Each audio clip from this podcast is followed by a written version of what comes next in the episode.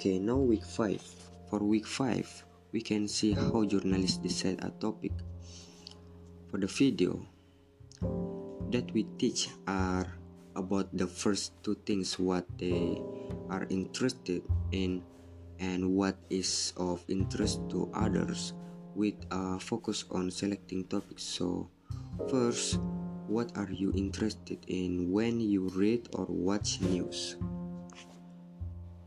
When deciding on a topic of interest to at least someone else interest.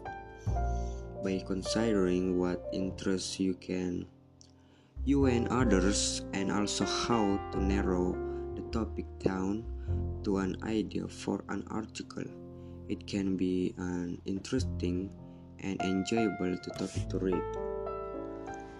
Next researching ideas we talk about finding ideas and topic for news.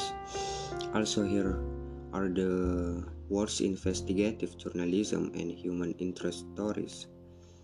Like investigative journalism, the type of story the type of story journalists works for months of or even years on an issue that requires extra research while the human interest might follow immigrant families and talk about their travels as a way of talking about immigration law. Next, pitching a story.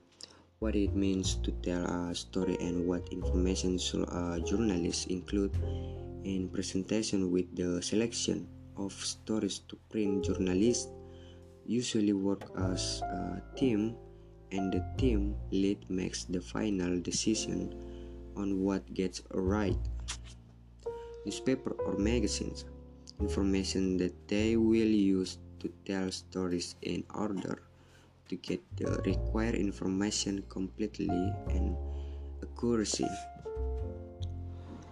And the last from week 5 is pitching story radio explains that when we want or will pitch a radio script we must know two things namely the structure and approach.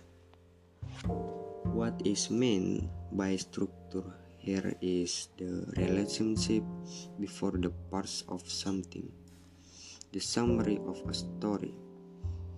And the approach is where you have to summarize your story and make it interesting and engaging for the listeners. It should also contain a summary or list question from the interview relating to current events and why the story is important.